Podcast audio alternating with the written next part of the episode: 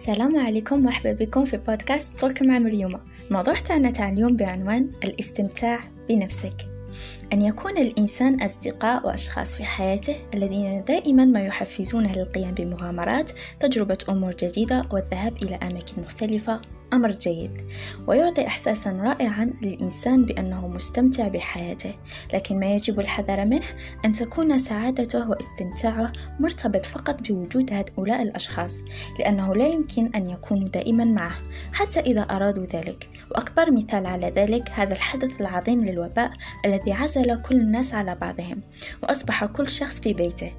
ممكن حتى الأماكن التي اعتادها لتهون عليه وتجلب له السعادة والراحة أصبحت غير متوفرة.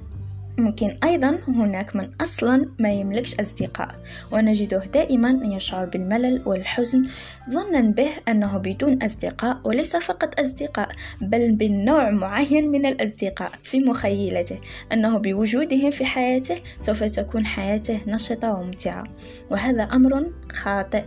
يجب على الإنسان أن يكون مستمتعا بنفسه أولا أن يعلم أنه ليس شرطا أن يكون معه شخص ليذهب معه في نزهة أو للأكل أو لأي كان النشاط الذي يقوم به. يجب أن يكون معه شخص ليستمتع به. لا. مرات حتى إذ كان معك أصدقائك وإذ لم تكن مستمتع بنفسك أولا فلن تكون مستمتع بالقعدة.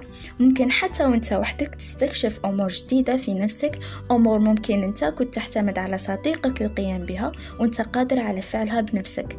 فاستمتع بنفسك ليس شرطا أن يكون لك أصدقاء أو أشخاص من نوع معين بأن تكون سعيد ومستمتع بحياتك. Enjoy yourself. نتلاقى في البودكاست الجاي إن شاء الله.